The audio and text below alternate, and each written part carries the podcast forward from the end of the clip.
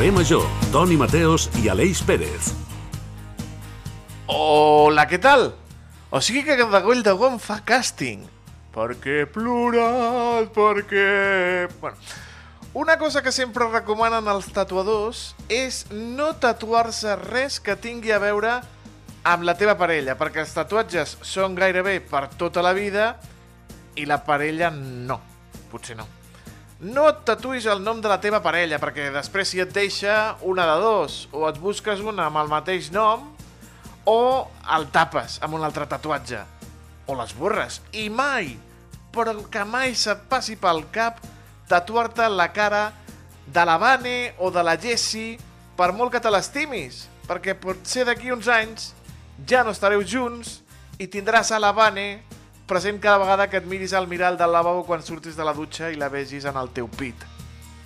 Un tatuatge que s'ha fet viral aquests dies és el d'un noi anomenat Carles que s'ha tatuat a la mà tres lunars.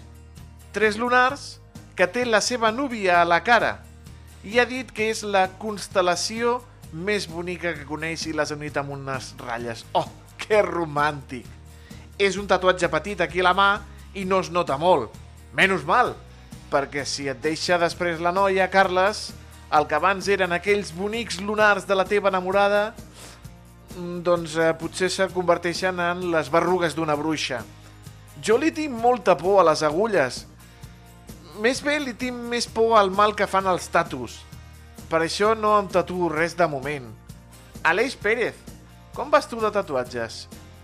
Molt bona tarda, Toni Mateus. Doncs jo vaig igual que tu, jo no tinc cap tatuatge. Alguna vegada, eh, que dius, algun impuls, no? Una mica aquells impulsos que tens de, de bogeria, de dir, mira, doncs potser alguna cosa algun dia sí que em tatuaria, però per ara no, no tinc el, el cos... Eh, el cos no em demana tinta, no? Com diuen alguns missatges d'Instagram. I, I què tatuaries? Doncs no ho sé, havia pensat en alguna lletra d'alguna cançó o en alguna... Mare meva! O alguna simbologia d'alguna runa celta que m'agrada, no ho sé. Molt bé. Són impulsos que em venen algun dia al cap, però tampoc no és que ho tingui clar ni, ni sigui prou valent per fer-ho. Crec que també es necessita un punt de valentia que, que del qual doncs, jo doncs, no, no, no en tinc. Cuidado, no tatuïs lletres de cançons de grups que després se separen, eh? No et facis Ostres, farà mal, eh, ni, ni res d'això, eh? No, bon, el bon gust musical sempre, sempre pel davant. D'altres portem tatuats al cor les vuit emissores, ah, que bé m'ha quedat, que fem el programa, que som Ràdio Ciutat de Tarragona, Ràdio Montblanc, Altafulla Ràdio, Ona la Torre, Baix Camp Ràdio, Ràdio L'Hospitalet de l'Infant, la nova Ràdio de Reus i Ràdio La Selva del Camp. I també també portem tatuat a foc el nostre tècnic, en Iago Moreno. Llevo tu nombre tatuado en, con un pecho de mujer, o algo així deia. Sempre a la pell, carrer Major. Benvinguts.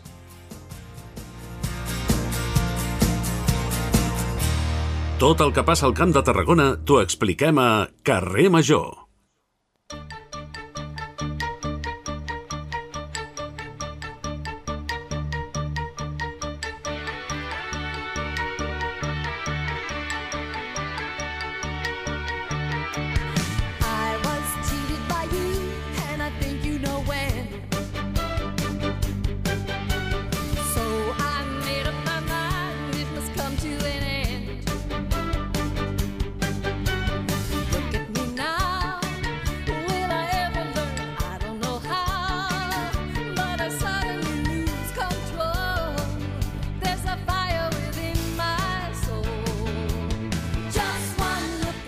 Bé sona la, la Meryl Streep. Anem amb música i solidaritat, perquè el proper 2 de desembre arriba el vuitè Mama Pop Solidari, un espectacle musical que ajuntarà al damunt de l'escenari a nou cantants solistes, un gran cor i una gran orquestra per portar-nos fins al Palau Firal i de Congressos de Tarragona un recull de les millors cançons dels musicals de la història, des d'aquest que sona el Mamma Mia fins Cats o Gris. Per parlar i conèixer més detalls, hem convidat a Manel Simón, promotor i director artístic del Mama Pop, i el tenim a l'altre costat del fil telefònic. Eh, senyor Simón, molt bona tarda. Molt bona tarda i gràcies per convidar-nos. Vuitena edició del Mama Pop. Què heu après de les edicions anteriors, senyor Simón? Bueno, mirar enrere eh, sembla, sembla estrany i sembla impossible, no? Però ho hem fet. Això va començar el 2014 amb la il·lusió motivada per una persona que sóc jo, que va, vaig perdre la mare per un maleït càncer de mama i al cap d'uns anys, a més a més amb una edat que no s'ha de perdre una, una mare, i al cap d'uns anys doncs, eh, vaig decidir doncs, poder fer alguna per contribuir amb aquesta lacra, amb aquesta, amb aquesta malaltia, i, i l'única forma que, que tenim d'abordar aquestes malalties és mitjançant la recerca científica. Em vaig posar en contacte amb l'Institut de Recerca Biomèdica de Catalunya per veure els seus projectes i, i vaig decidir mobilitzar-me i fer alguna cosa. I, I què podia fer? Doncs durant molts anys de la meva vida em vaig dedicar als escenaris i estic molt connectat al món musical de Catalunya i vam decidir amb una sèrie de companys doncs, eh, doncs produir un, un espectacle únic i inèdit des de, des de zero, que cada any, si és que això ho podíem replicar, doncs canviés la temàtica. Així hem fet temàtiques com el pop rock dels 80, la movida madrilenya, hem fet música latina, Hollywood, eh, bandes sonores de pel·lícula, i eh, aquest any doncs, hem, hem implantat aquest repte que és el mama pop de musicals. No? El que tu em preguntaves, mirant, mirant enrere què m'ha après, doncs el que m'ha après és que a la gent, eh, al públic que assisteix al mama pop, el, el mobilitzem i el, i el captarem per la qualitat. Per la qualitat repetiran, es faran fidels del mama pop. Crec que això ho hem demostrat i gràcies a aquesta fidel- fidelització, posant-hi molta qualitat a l'escenari, doncs aconseguim l'objectiu del Mama Pop, que és destinar tots els beneficis que aconseguim doncs, de l'espectacle a, a la recerca biomèdica en càncer de mama. En la ciutat de Lleida ens hem convertit en la primera, en la primera font de finançament de l'Institut de Recerca Biomèdica i ara a Tarragona, amb aquest conveni amb l'Institut Pere Virgili, i doncs, bueno, destinarem els beneficis al, a aquest centre per la recerca contra el càncer de mama. Uh -huh. S'estrena, com hem dit, per primera vegada aquí a Tarragona, però abans heu estat per, per Lleida i per Andorra, si no m'equivoco, no?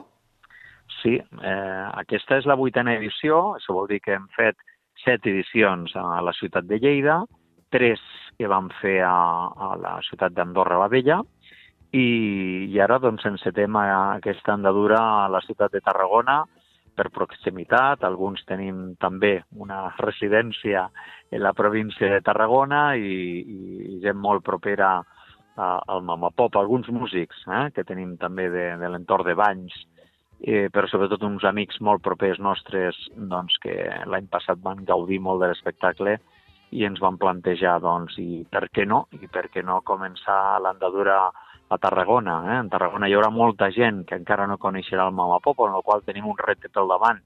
I és d'agrair mm, tots els mitjans de comunicació, com ara vosaltres, que ens donem veu i ens col·laboreu donant-nos aquesta veu per explicar què, què és Mamapop i que puguem eh, petar, eh? diguer-ho eh, vulgarment, l'auditori del Palau de Congressos el dia el dia 2 de desembre. No? Torno a repetir, Mamapop és una producció inèdita, feta de zero, Penso que una vegada que definim la temàtica amb el director musical, després escollim els millors temes que poden ser molt coneguts per la immensa majoria del públic, eh, s'encomanen els arranjaments amb un arranjador professional i conformem la banda. Eh? El Pop té una formació, una base pop-rock, amb la típica formació de pop-rock, bateria, baix, guitarres, eh, teclats, hi ha un cor de veus, eh, que aquest any està format per nou cantants, i després hi ha l'acompanyament de les cordes, violins, cellos i violes d'orquestra sinfònica, amb la qual a l'escenari oferirem un espectacle del voltant de 45 músics en escena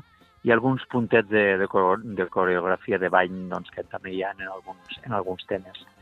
Amb la Sí, qual la proposta amb la que venim a Tarragona, amb la que dispararem aquest espectacle a, a, a Tarragona, és una proposta d'estrena, perquè de fet el Mamapop de musicals d'enguany l'estrena se fa a Tarragona. Serà la primera vegada que el dispararem, el 2 de desembre a Tarragona, eh, seguidament serà el 23 i 24 de desembre a les Terres de Lleida, i és una proposta de molta qualitat, molt versàtil, com has estat dient, Mamma Mia, Gris, Sonrisas y Lágrimas, Michael Jackson, Queen, eh, Tina Turner, realment una versatilitat que demanem als cantants molt important i jo crec que serà un espectacle pels ulls. Sí, això et volia preguntar, Manel, perquè com aconseguiu enredar o sumar tots aquests músics per aquest gran desplegament i també ballarins? Com, es, com és una mica el, el, el procés per arribar en aquest concert? doncs bona pregunta. Realment, eh, clar, el Mama Pop és una producció que fem des de zero solament per disparar al final d'any en, en, en aquest Mama Pop, de, que darrere hi ha la solidaritat, que el que volem és ajudar a la recerca, no? Per tant, mm, si volem fer un projecte de qualitat, evidentment requeríem de professionals de primera qualitat, però, evidentment, no tots els primers professionals eh, que estiguin treballant a sobre un escenari poden estar al Mama Pop, perquè, evidentment, doncs, imaginem-nos el cantant de l'Orquestra Meravella, doncs, si estigués amb nosaltres, doncs, el dia que tingués una actuació, si li coincideix amb l'espectacle del Mama Pop, no podria estar, amb la qual tenim, el primer que fem amb la direcció musical és en funció de la temàtica, en funció dels, de les cançons, fem una selecció dels, de professionals, fem una... directament és una selecció, triem quines persones se poden adaptar o la seva veu és més afí amb aquesta temàtica o amb aquests temes, els proposem que puguin estar lliures per a aquestes ocasions.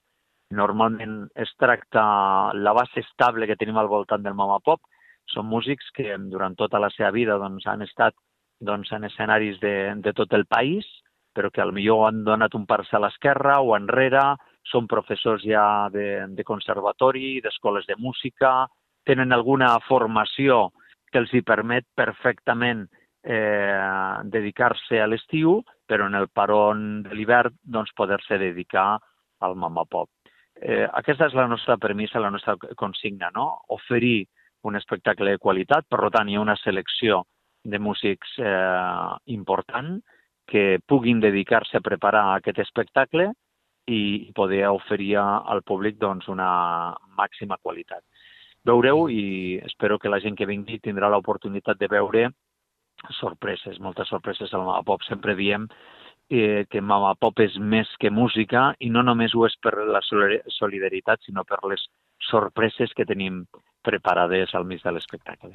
Bueno, sorpreses, sorpreses com les que hem vist amb el vídeo de promoció, que hem vist, per exemple, a la Mariona Escoda cantant molt bé, eh, el, el Joan Reig dels Pets tocant la bateria i cantant, però hem vist a l'alcalde Vinyuales que, sincerament, una mica d'autotune no hauria anat malament, Manel. No, la veritat, la veritat és que ho han fet molt bé tots. Eh, sempre quan fem aquesta, aquesta promoció col·laborativa, doncs sempre anem amb un càmera de vídeo, hi ha un coach vocal que ajudem a que la cosa quedi, quedi decent, quedi bé. La veritat és que s'ha de dir que tots ho han fet molt bé, inclús mm, ens han sorprès, no?, com la Sandra, la regidora, com, déu nhi eh?, com canta. Eh, l'Oriol Grau, per exemple, com afina, que bé, no? Eh, és d'agrair, eh? començant per l'alcalde de la ciutat, el Rubén Viñuales, una predisposició absoluta des del primer dia, col·laboració cega en el projecte. De fet, ja ho coneixia, ja ho coneixia, i no, no va tindre cap dubte, i quan li vam proposar uh, aquesta col·laboració, entre cometes, de risc, eh? perquè no tothom eh, s'atreveix a col·laborar en el vídeo promocional, no va tindre cap dubte, eh? Se, va, se va prestar que li ajudéssim i, i la veritat és que estem molt contents, ha tingut una viralitat, està tenint una viralitat descomunal, s'està parlant molt del vídeo, és, és el que preteníem, és el que preteníem. També li hem de dir a tota la gent que ens escolti que no es preocupin, eh? que el Mama Pop no va de que aquestes persones pugin a l'escenari, eh? Són No, no, eh, bueno, i... no sé si la gent pagaria també per veure l'alcalde Vinyuales, eh? Segurament també Segurament. pataríeu. faria tirón, faria tirón. No va d'això, evidentment hi ha, hi ha uns cantants professionals, eh? però ens ha ajudat molt. Us, us diré també, suposo que ho sabeu, eh? però segurament que hi ha molta gent que, que ens escolti que no ho sabrà, una curiositat del Mama Pop, no? Eh, la Mariona, la Mariona Escoda, de Banys i que participa en el vídeo col·laboratiu, de fet, el, el seu escenari més gran que va trepitjar en la seva vida en 17 anys va ser el Mama Pop el nostre anterior director musical, Antoni Tolmos, la va descobrir de joveneta, va participar en una Nadala de les que ah, el músic i compositor Antoni Tolmos cada, cada Nadal doncs, va oferint per escoles, i etc. Fent una selecció de jovenetes i jovenets promesa, i de ben petiteta la va descobrir l'Antoni Tolmos, el director musical de Mama Pop, i al cap d'uns anys doncs ens vam plantejar, ostres, aquesta noia ha evolucionat, canta molt bé, i li vam oferir l'oportunitat de defensar tres temes en un mama pop de, de fa 3-4 anys, als 17 anys, quan ella tenia 17 anys. Va ser el seu primer escenari que va trepitjar, sobretot tan multitudinari, va ser a, a la ciutat de Lleida, i va fer el mama pop als 17 anys i als 18 anys. Eh? Llavors podem dir que, que jo crec que Mama Pop va fer una mica la descoberta de la Marina Escoda i ja el que seria la tercera edició de Mama Pop va ser quan se va presentar Eufòria i, i va passar el que va passar i no podia ser d'una altra manera, va, ho va guanyar, no? Ho va guanyar. La tenim ara ja com a ambaixadora, és una de les ambaixadores que tenim i que podeu descobrir a la pàgina web, a l'apartat d'ambaixadors, i, i, bueno, i també hi haurà alguna sorpreseta eh, per als assistents al concert. Per tant, llavors la gent que assisteixi al Mama Pop també haurà d'estar atenta no? a totes les persones que pugin a l'escenari perquè qui sap, potser ens trobem una altra Mariona Escoda. El que sí que volia comentar sí o sí és els Sí. diners que heu recordat amb les anteriors edicions, gairebé 200.000 euros, que es diu ràpid. Sí, es diu ràpid, eh? es diu ràpid i, bueno, una vegada saldades, saldats els compromisos i, i les despeses que sempre tenen un espectacle de, de qualitat quan ho vols fer, evidentment tenim moltes col·laboracions, però després hi ha, hi ha, hi ha coses que s'han de remunerar sí o sí, però hem aconseguit en aquestes darreres set edicions destinar pràcticament 200.000 euros, 190 i pico mil euros a la recerca científica contra el càncer de mama. I, de fet, des del 2019 tenim l'orgull de, de dir, de fet no ho diem nosaltres, ho diu l'Institut de Recerca Biomèdica, doncs que som l'organització o l'entitat privada que més financia el càncer de mama eh, en aquest centre de recerca. No? Això és el que voldríem aconseguir també amb l'Institut Pere Virgili, mm, en el qual hem tingut diverses reunions, coneixem els seus projectes de recerca i en càncer de mama i, i, bueno, i començarem a, a sembrar aquesta llavor que si funciona, que jo no tinc cap mena de dubte que funcionarà, doncs mirarem de que sigui que tingui continuïtat a la ciutat. Uh -huh. Aquests diners, com hem dit, eh, com ha dit el Manel Simón, destinats a l'Institut Pere Virgili, on podem aconseguir les entrades del Mama Pop? Hem estat parlant tant del Mama Pop, que les hem de comprar al, al, al Palau de Congressos, a una pàgina web, hem Doncs de fer cua fàcil. com amb el Bruce Springsteen. molt fàcil, molt fàcil. La pàgina web www.mamapop.cat, de fet la, la, la entrada se considera com una donació a Mamapop, i són 25 euros, se poden adquirir mitjançant la pàgina mamapop.cat, hi ha un botonet en pantalla principal que fica tickets, i des d'allà es va a una plataforma i pots triar la butaca.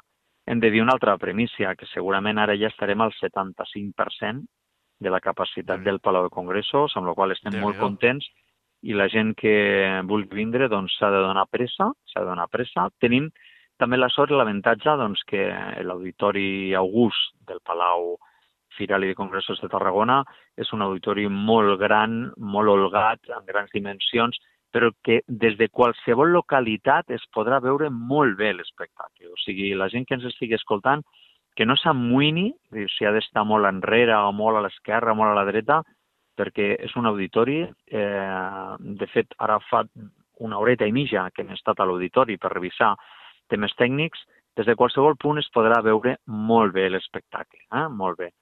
Mm, Simplement que la gent no s'adormi, aquell que pugui el 2 de desembre, dissabte 2 de desembre, a les 9 de la nit, assistir a aquest concert espectacle, doncs que entri a mamapop.cat i reservi ja la seva, la seva entrada. Que espavilin, que espavilin, que després, si no, hauran de viatjar fins a Lleida i a més a més en època nadalenca i això es complica al doble, però bueno. Eh, volem donar les gràcies al Manel Simón que ens ha acompanyat avui. Ell és el promotor i director artístic d'aquest festival Mama Pop, aquest concert que es farà el 2 de desembre contra el càncer de mama al Palau de Congressos de Tarragona. Eh, Manel Simón, molta merda. Doncs molta, moltes gràcies, molta merda a tot l'equip de, de Mama Pop, que ja han començat els assajos aquest, eh, aquest diumenge. A partir d'ara ve un mes intens d'assajos i molt agraït per la, per la vostra col·laboració posant eh, en antena el Mama Pop i, i torno a dir, molt, molt agraït a tota l'acollida que està tenint a Tarragona, liderada per l'Ajuntament, però després també recolzada tant pel Port de Tarragona com de diferent gent que ens estan donant un gran cop de mà, un gran cop de mà per poder fer-ho això possible. Estic segur que la petarem i, i, i desitjo que, que, ningú, que a ningú que ho ens estigui escoltant que li hagin d'explicar, sinó que ho pugui explicar en primera persona perquè serà màgic, us ho asseguro. Moltíssimes gràcies, Manel Simón. Una abraçada molt gran. Que vagi molt bé el Mama A vosaltres, gràcies. Gràcies. Adéu. El valor del camp de Tarragona. Carrer Major. Who let the dogs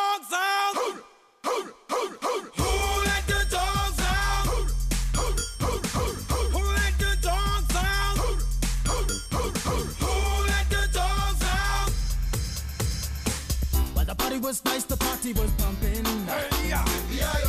And everybody having a ball. Until the fellas started name calling. Després del Mama Pop anem amb la nostra secció quinzenal sobre els animals de companyia, les nostres mascotes, les nostres bestioles, les que en fan la vida molt més alegre. Avui, tema... eh, paràsits. Aquells animalons gairebé invisibles que poden portar algun que d'altre mal de cap a les nostres mascotes, aquests paràsits intestinals. Per això, la Maribel Martínez, veterinària de Coselva, ens explica com tractar aquests bitxets.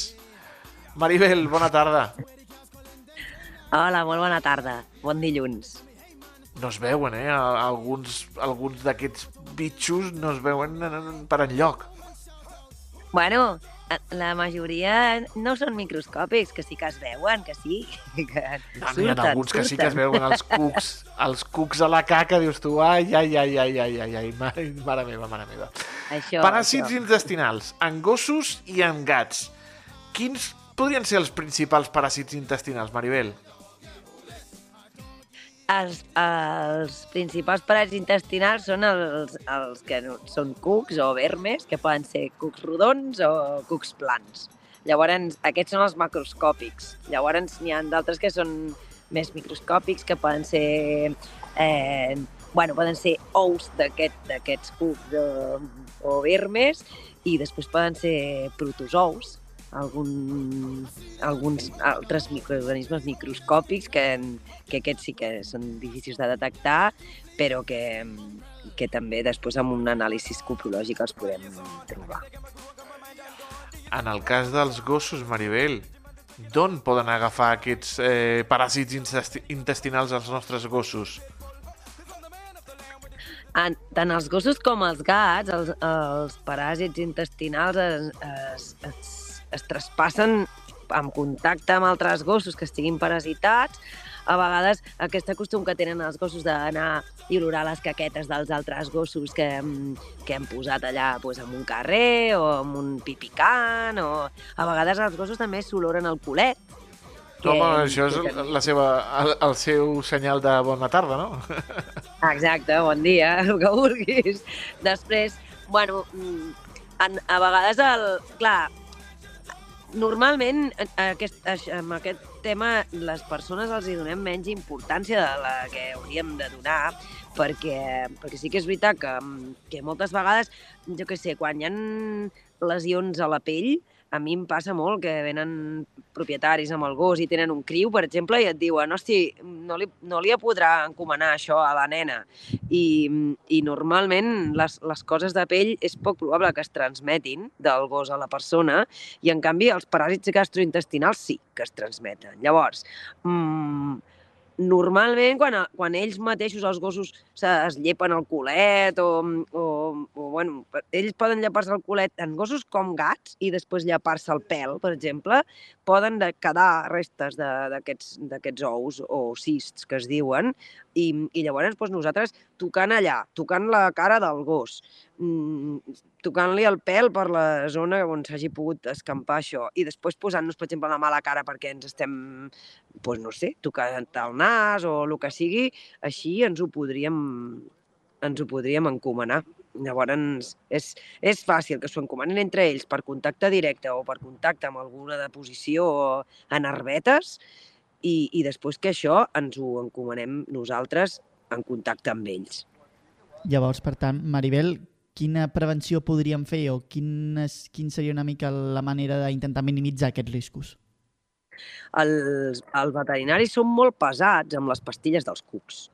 Molt. I, I hi ha molta gent que quan els hi dius, escolta, l'has desparasitat internament, et, et diuen, no, que no en té de cucs. Vale. Perquè un, un gos o un gat vegis que treu cucs quan fa les seves caquetes, o en els gats sovint els aixeques la cua i es veuen cucs que surten directament des de l'ano i, i la zona de l'entorn de l'ano, de la cua, del pèl que queda per la zona de les vores, pot haver-hi algun cuc. Quan els treuen d'aquesta manera vol dir que en tenen moltíssims i que ja s'estan sobreixint. Pot ser que, que, que no en vegis a la caca, però que en tinguin i que llavors quan els hi dones les pastilles o el medicament, el xarop o el que sigui pels paràsits, surtin llavors. La manera de fer prevenció d'això és cada 3-4 mesos fer una desparasitació interna per rutina. I això és superimportant, sempre. I, i, i l'amo perfecte de gos o de gat és aquell que mai a la vida ha vist paràsits al seu bitxo. I és perquè ho ha anat fent sempre cada 3-4 mesos i, i amb això doncs, tens, tens la prevenció i tens el tractament tot amb una cosa sola. Uh -huh. Això, 3-4 mesos, diuen alguns, és que quan són cadells, però hauria de ser sempre, no? Com dius tu, cada 3-4 mesos una desparasitació, que és una pastilleta i, i au a córrer. Tota la vida. I quan són cadells més, més sovint, eh? Quan són cadells mm, els fem desparasitar cada mes i mig aproximadament fins que tenen mig any perquè, perquè el seu sistema immunitari és, és menys madur doncs, i, i té menys capacitat per controlar segons quines coses i, i és que el dels cucs ens fa la murga ens fa la murga perquè ens distreu el sistema immunitari i llavors estem en èpoques que estem fent vacunacions i, i coses que ens convé que el sistema maduri i que no tinguem, doncs, entre cometes, distraccions. Llavors, mentre tenen entre un mes i sis mesos, cada mes i mig desparasitar. I després, a partir dels sis mesos, tres, tres quatre cops l'any. Sempre. Mhm. Quins símptomes, Maribel, són els que en pot patir l'animal i que en altres diguis ep, cuidado, que potser té algun paràsit? Els paràsits gastrointestinals poden provocar sintomatologia digestiva, com poden ser mm, caques amb menys consistència, tenesma, que a vegades es col·loquen com per fer caca i no surt, mm, poden, poden produir algun tipus de vòmit si, si la càrrega parasitària és molt gran, i després, quan ja la cosa és més, és més bèstia, amb, sobretot en cadells, mm, si estan molt parasitats poden fins i tot tenir sintomatologia mm, nerviosa, sintomatologia respiratòria, perquè a vegades aquests paràsits migren de sistema digestiu a sistema respiratori. No és cap tonteria, eh? Eh, Realment, el dels paràsits intestinals és, és, pot arribar a ser una cosa molt greu. Llavors, mm, el més típic és que et vingui corrent el propietari perquè el, el gos ha fet una caca o el gat i ha vist que hi ha cucs, corre, corre, corre, que el bitxo té cucs, o que, mm, que, que mm, mirant-li per allà el pèl, sobretot en els gats, doncs hagi vist algun... O sigui, normalment la sintomatologia passa bastant desapercebuda, a no ser que el propietari vegi els cucs ja directament i, i vinguin amb el problema detectat. Mhm. I en el cas de, del, dels gats que no surten, perquè, clar, quan dius aquest gat sí que surt al carrer, eh, és, és d'un mas, pot haver, mm, no sé, barrejar-se amb altres gats, inclús eh, algun animal mort, alguna cosa així. En els que no surten de casa, com poden agafar... Igual, que, el... que, que Igual. els gats que no surten de casa, molta gent em diu, ah, doncs no fa falta que els vacunem, perquè com que no surt i visc a un pis, però, però després nosaltres també podem fer de transmissors, perquè, perquè Vale. nosaltres anem caminant pel carrer i tots aquests ous microscòpics van, van a les nostres sabates. O, Ja. o fins i tot pots haver tocat un, un gos pel carrer que has trobat, o, i, i després n'hi ha d'altres que no surten però que potser treuen el cap amb una finestra que pot haver passat un pardalet o un colom. Sí que és veritat que tenen molts menys números, està clar. Com més exposició tinguin a, amb altres animals o, o al terra, doncs més, més números tenen de que pugui passar-los i això. Però, però sí, és, és, potser llavors ja cada veterinari llavors mm, mm, valorem els casos i, i a lo millor amb un animalet d'aquests, en comptes de desparasitar-lo 3-4 cops en un any, doncs amb un parell de desparasitacions en tenim prou i així estem tots més tranquils. Fa falta que també al final els medicaments antiparasitaris de, interns no s'absorbeixen, s'absorbeixen només en un 20-30%, vull dir que no van a sang entren per la boca, transiten pel digestiu, maten tots els bitxos que puguin trobar per allà i s'excreten amb les femtes. Llavors, mm, per la gent que no els hi agrada molt donar medicaments a les seves bestioles, doncs que també poden estar tranquils perquè no, no, no és un medicament que passi a sang i es distribueixi per tot l'organisme.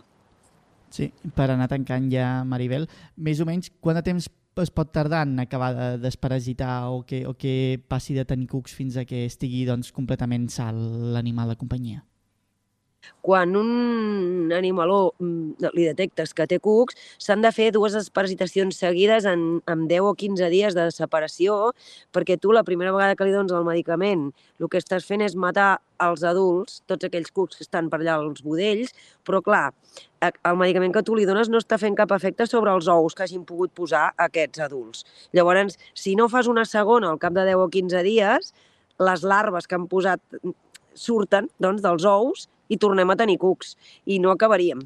Llavors se n'han de fer dues de seguides amb, amb aquesta separació i llavors ja està, amb, al cap de tres mesos una altra vegada i així.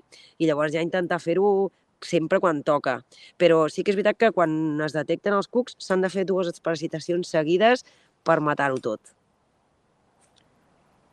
Apuntem tot això, apuntem el que ens ha explicat la nostra veterinària de capçalera, que, que estàs, a, que estàs a, a, al camp, no? Veig aquí un munt d'arbres. Sempre, sempre estic al camp. o Que bé almenys que ho procuro. ho procuro. La nostra veterinària de capçalera, la Maribel Martínez, veterinària de Coselva, que cada 15 dies ens resol un munt de dubtes que tenim sobre els animalons de companyia. Maribel, com sempre, gràcies. Parlem d'aquí dues setmanetes. Una abraçada molt gran. Gràcies a vosaltres. Fins d'aquí 15 dies. Que Adéu. vagi bé. Adéu. Estàs escoltant Carrer Major. La Rosalía. Uh, que jo sé que culp per ser milionària. Com si ploguessin sant els bitllets pels aires. Un dia per Mumbai i el següent a Malta. Sempre ben escoltada, prova. El que voldria és tenir un Bentley de color blanc i un de color verd. Però tot això sé que no ho puc fer fins al dia que tingui molts diners. El que voldria és tenir Només vull veure bitllets de 100 Signa del dòlar dintre la ment Fucking money, man Només vull veure bitllets de 100 Fucking money,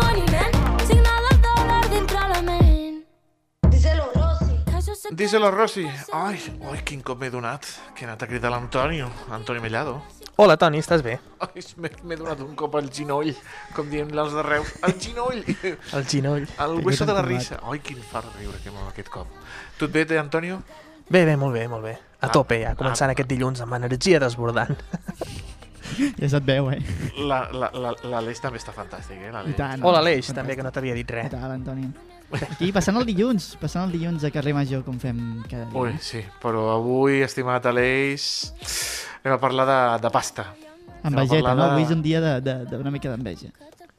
Bueno, enveja. A veure, la revista Forbes, aquesta revista Forbes, que ha publicat avui dilluns, justament, la llista de els 100 espanyols més ric del 2023, basada en els majors patrimonis de l'estat espanyol.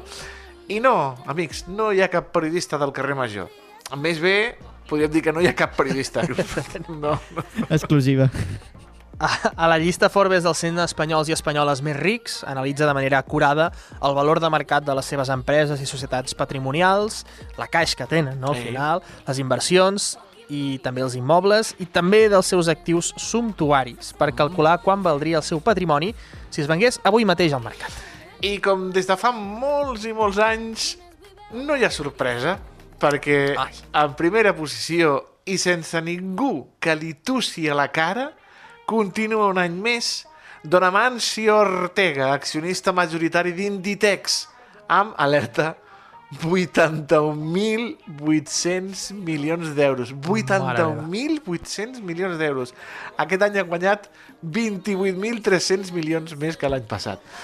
Se situa una vegada més al capdavant dels empresaris més rics d'Espanya i en el top 10, me sembla que és top 10 del món. A més, ha aconseguit recuperar-se en termes globals d'un 2022 bastant negatiu, en el qual Inditex va patir un important revés bursari. I en segon lloc, qui hi ha? Doncs una senyora que es diu Sandra Ortega Mera. Vaja, Serà familiar de Amancio Ortega? pregunta, serà familiar de Mancio Ortega? Doncs sí, Toni Mateos, Home! és la seva filla i és Vaja! accionista d'Inditex. A molta distància, això sí, de son pare, amb només, entre cometes, 7.100 milions d'euros. Sandra eh? Ortega Ojo. és, com dèiem, la filla d'Amancio Ortega i de la seva primera dona, Rosalía Mera, que va morir el 2013. Enguany aconsegueix el seu rècord patrimonial, superant els, dels 6.300 milions d'euros del 2021 als 7.100 actuals. El patrimoni de Sandra Ortega procedeix fonamentalment de la seva participació a Inditex, atès que és doncs, la seva segona accionista. Està molt lluny de son pare. Son Sí, pare sí, 20 81.000 i ella 7.000 la- Mare en segona posició. En tercera tenim a Rafael del Pino Calvo Sotelo, que tenen uns cognoms molt llargs aquesta gent, trobo. I molts guions entre mig, Sí. eh? President de Ferrovial, l'empresa que va marxar per pagar menys impostos aquí a Espanya, doncs mira, el seu president, amb 5.900 milionets, és el tercer de la llista. Del Pino es manté estable gràcies a que ha augmentat la seva massa patrimonial en més de 2.000 milions, mira, coses que t'estalvies de no pagar impostos, a conseqüència de la revalorització del grup d'infraestructures en els mercats en relació amb l'evolució de l'exercici de l'any passat. Sí. Seguim amb Juan Roig Alfonso. Toni, et sona d'alguna cosa? Sí, el conec. és el senyor Mercadona, el president de Mercadona. Ocupa la cinquena posició d'aquesta llista amb un patrimoni de 3.900 milions d'euros. Juan Roig és el president executiu de Mercadona i el seu major accionista. L'empresari valencià posseix el 50,66% de Mercadona, que està valorat en 7.739 milions d'euros. El grup de supermercats ha tornat a mostrar un creixement espectacular en un 2023 en volum d'ingressos i beneficis. Roig, per posar un exemple, va percebre un salari brut d'11 milions d'euros bé. per presidir l'empresa. és brut, Toni, després els, els impostos t'ho treuen, sí, sí, te'n treuen ai, uns ai. quants, eh? Juan Roig, Juan Roig, pagando impuestos, sí, sí. I va sí. ingressar altres 88 milions en concepte de dividends. O sigui, que va guanyar 11 milions en sou i 88 milions més, que te clim, que te clim, Exacte. amb altres conceptes de dividends. Bé, gràcies. Baixa una posició i es situa en la 17a el senyor No. Florentino Pérez. No, ha perdut fuelle, eh? Ha perdut fuelle. Està Florentino, està... Exclusiva, exclusiva. President d'ACS i del Real Madrid. Tirit, tirit, amb 1.900 milions d'euros. Senyor Castor, conegut també a Terres de l'Ebre, com li coneixen per allà baix. Florentino Pérez és accionista i president del grup d'infraestructures ACS, amb una participació que li ascendeix a un 13,78%, i aquesta posició està valorada en 1.245 milions. També és president del Real Madrid Club de Fútbol, que és l'equip amb con más valoración de todo el planeta. Sumant tots els seus actius, Florentino es manté, com hem dit, dins dels eh, 20 paios més rics d'Espanya. També baixa de posició fins al lloc 24 Carmen Thyssen, la col·leccionista d'art, entre moltes altres coses, eh? amb 1.400 milions d'euros. Carmen Cervera, vídua del baró Thyssen-Bornemisza, és la propietària de la col·lecció de pintura que porta el seu nom i que està exposada al Museu Thyssen de Madrid. Té inversions en diverses SICAPs i negocis que han crescut en guany i pels quals la seva riquesa doncs, ha acabat augmentant en aquest 2023. Tot i així, com dèiem, ha baixat posicions. Eh? Sí, com l'ascensor d'aquí de la ràdio, que em sembla que és Thyssen i que no, no va del tot. I no va, no va gaire, eh, avui. A meitat de la taula, estimat Aleix, en el lloc 49 trobem el nostre pare, a Julio Iglesias. Ei, ja. soy tu padre y lo sabes. Cantant i empresari immobiliari. Hey, Julio declara una riquesa de 750 millones. ¡Uea! Julio, què dir d'ell?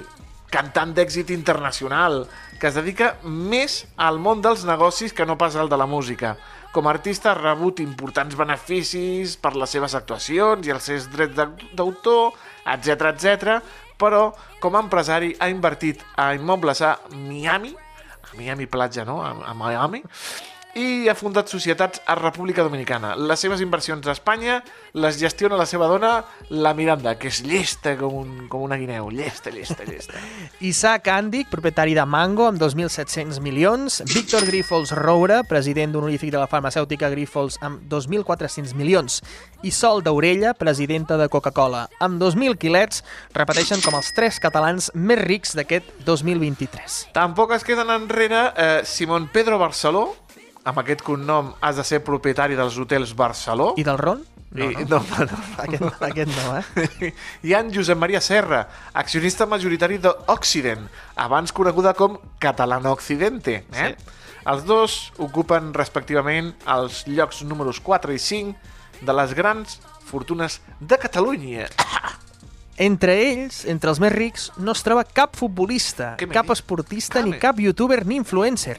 I tampoc es troba en Rafa Nadal. Don Rafael podríem- Nadal. Parera, que podríem pensar que estarà per aquí. Tot i que compta amb un capital de 297 milions d'euros i la seva acadèmia no para de generar diners, eh, doncs no surt. I això que aquesta passada temporada no ha jugat per les seves lesions. Però igualment ha seguit guanyant diners, aquest senyor. Sí, sí, amic meu. El de Manacor ha tornat a quedar-se a les portes d'entrar en aquesta llista dels 100 eh, paios més rics del país. Ja li va passar el 2022, però en aquest 2023, com ha estat lesionat, no ha guanyat tot el que havia de guanyar.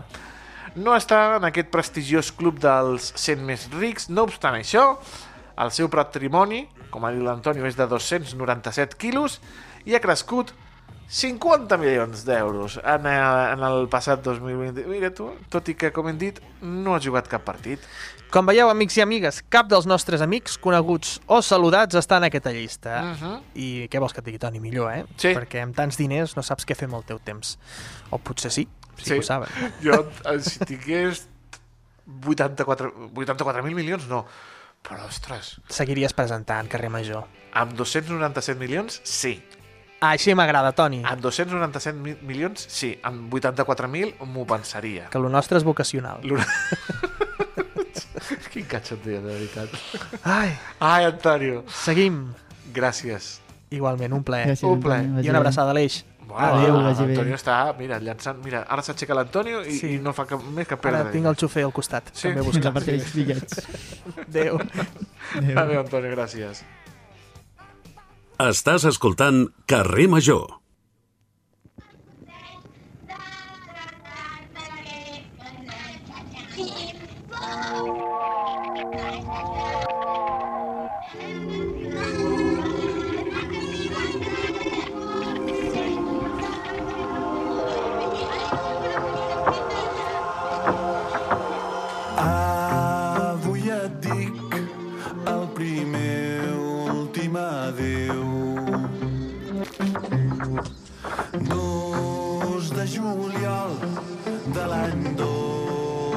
2600.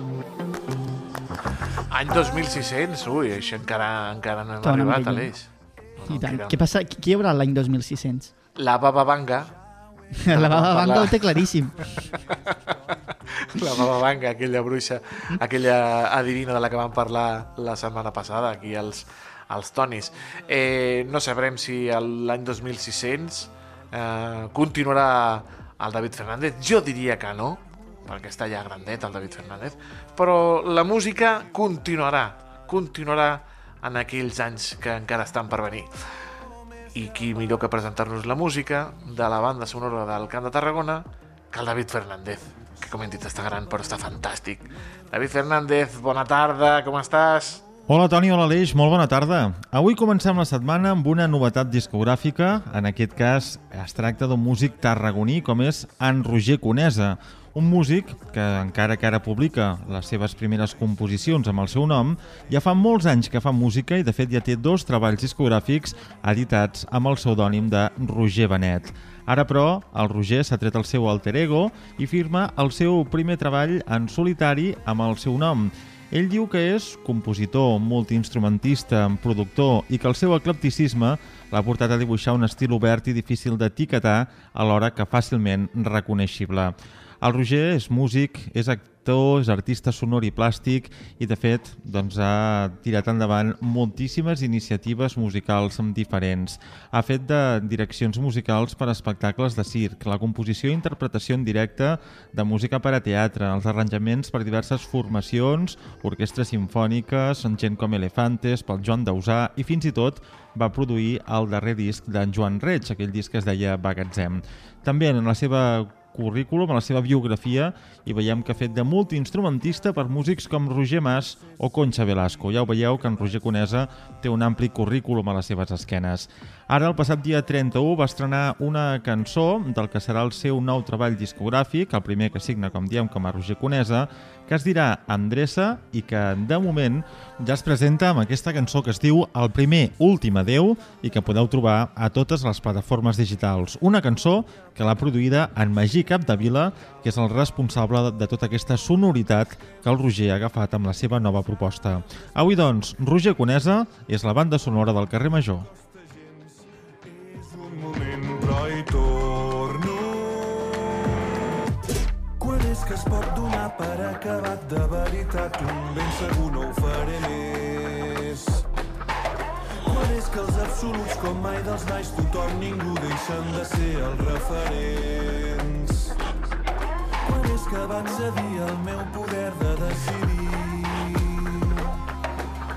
De decidir... Doncs eh, és el Roger Conesa, amb aquest músic de tarragoní que ens ha costat el David Fernández en la banda sonora del carrer Major. I anem amb la furgoneta del carrer Major, si et sembla. Anem, som Anem, anem, Anem, anem, anem. Anem amb una furgoneta ben especial, ben especial. Sí, sí, sí, molt especial. Ben especial. Eh, on tenim avui el Miquel Llavaria? Per on para el nostre estimat Miquel Llavaria? Miquel, bona tarda, per on pares?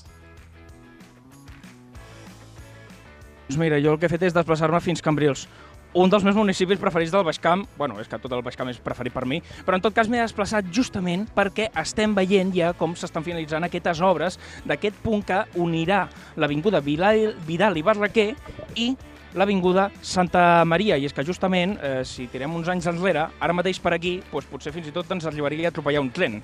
I és que justament és un punt on encara hi passava el tren, hi havia les vies del tren i que a l'haver-se quedat en desús i haver retirat aquesta part, doncs ja s'uneix d'una manera peatonal i també a través de cotxe a aquests dos punts de, del, del municipi de Cambrils. I m'acompanya ara mateix l'Enric Daza, que és el regidor d'Urbanisme i Obra Pública d'aquí de Cambrils. Moltes gràcies per acompanyar-nos uns minutets. Gràcies a vosaltres.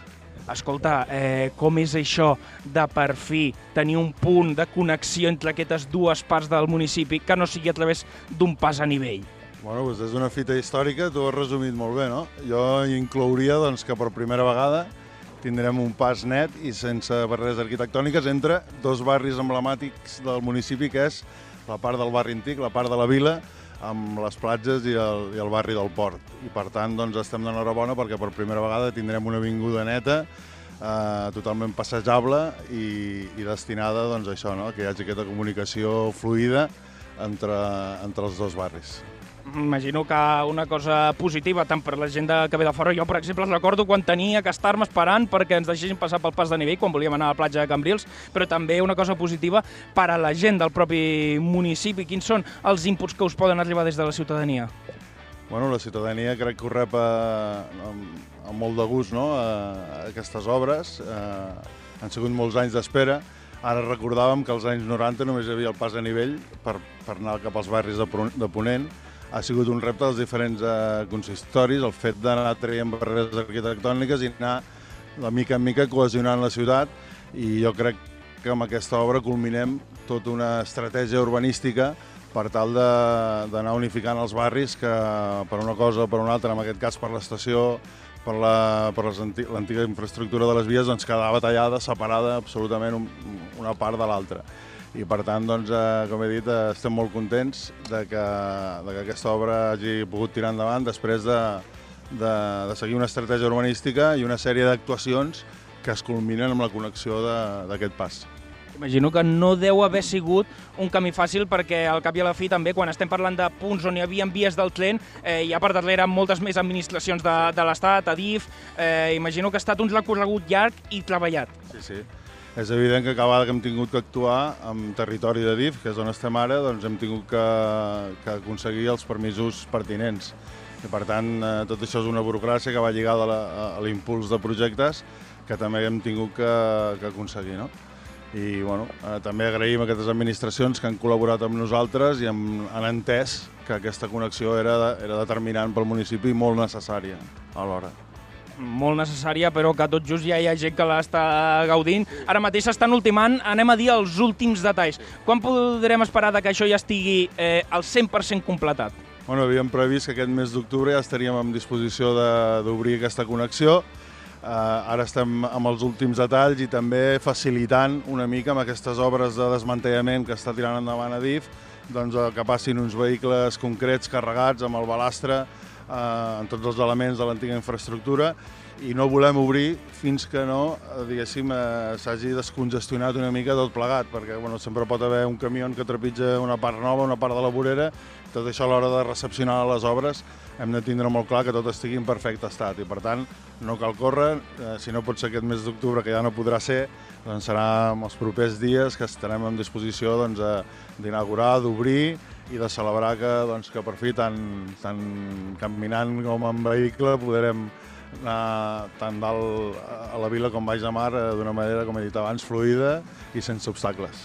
Mm, sense obstacles, i ja com a darrera pregunta parlant d'aquests obstacles, clar, justament eh, s'ha desprovist de- d'aquestes vies i de diversos elements que imagino que hi havien per poder fer aquest pas, però la resta de la via que, ni, que diguem que concorre al voltant, al costat de, del municipi, eh, què se'n farà? Hi ha, hi ha algun projecte o alguna idea en ment? Sí, bueno, des de fa molts anys s'està treballant eh, per la part de Ponent amb Adif eh, amb el tema de la Via Verda, que estem molt contents. Tot just estem amb el, amb el punt d'inflexió entre la Via Verda i el futur tramcamp, i per tant de treball se n'han fet molts, d'estudis informatius, i estem en un moment doncs, que sembla que tot avança i que la Via Verda la tindrem a tocar. I també entenem que, com som cul, bueno, cul de Via Verda i començament del tramcamp, també a nivell estratègic eh, estem en un punt mig que, que bueno, és molt interessant doncs, eh, per tot el que portarà, tant la Via Verda com, a, com el tramvia per Cambrils i, per, i pel territori en general. Per tant, Doncs eh, volem interrompre aquesta furgoneta d'avui, amics i amigues, que quan queda un minut per dir que aquesta és la última furgoneta del nostre company, el Miquel Llavaria. De veritat, ha estat un plaer treballar amb el Miquel, ens ha portat cada dia, cada dia, l'actualitat, el batec, el dia a dia del Camp de Tarragona des de diversos punts, fins aquí, fins al carrer Major, el programa que fem les 8 emissores. El trobarem a faltar molt als seus companys, li desitgem molts d'èxits en el futur, estem segurs que tindrà molts d'èxits, i ell, el Miquel Llavaria, ja forma part, des de BXC Ràdio, de la gran família del carrer Major. Li enviem una abraçada molt gran, un petó molt gran, li desitgem tota la sort del món i nosaltres continuem, amics i amigues, demà més aquí, en la seva emissora de proximitat, aquí al carrer Major. Que vagi molt bé. Bona tarda a tothom. Un petó, Miquel. Gràcies per tot. Vagi bé, adeu.